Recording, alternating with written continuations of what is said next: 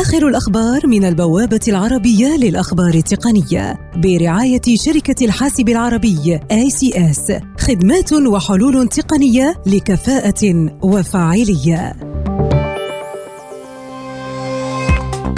جوجل تبحث إدراج روابط للتسوق تحت مقاطع فيديو يوتيوب في سبيل تعزيز مصادر دخلها، حيث تجري الشركة اختبارات لعرض المنتجات الموصى بها إلى جانب الأسعار على منصة مشاركة الفيديو الخاصة بها.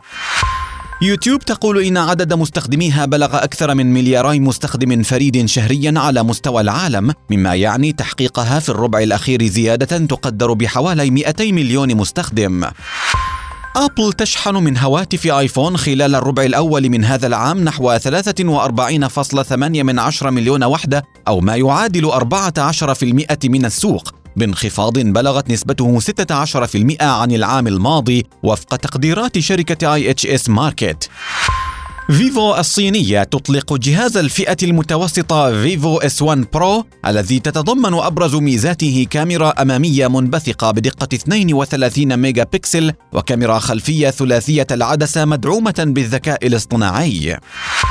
فريق الأمن في شركة صناعة السيارات الكهربائية تسلا يرسل تحذيرا إلى الموظفين للتوقف عن تسريب معلومات الشركة أو مواجهة الطرد من العمل ومطالبة المسرب بتعويضات وتوجيه تهم جنائية إليه.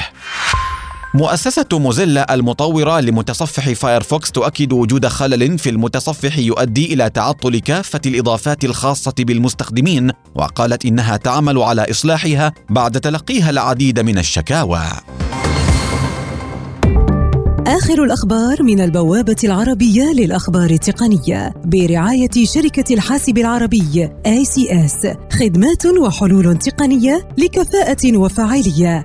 لمزيد من تفاصيل هذه الأخبار وأخبار عديدة يمكنكم زيارة موقع البوابة على شبكة الإنترنت aitnews.com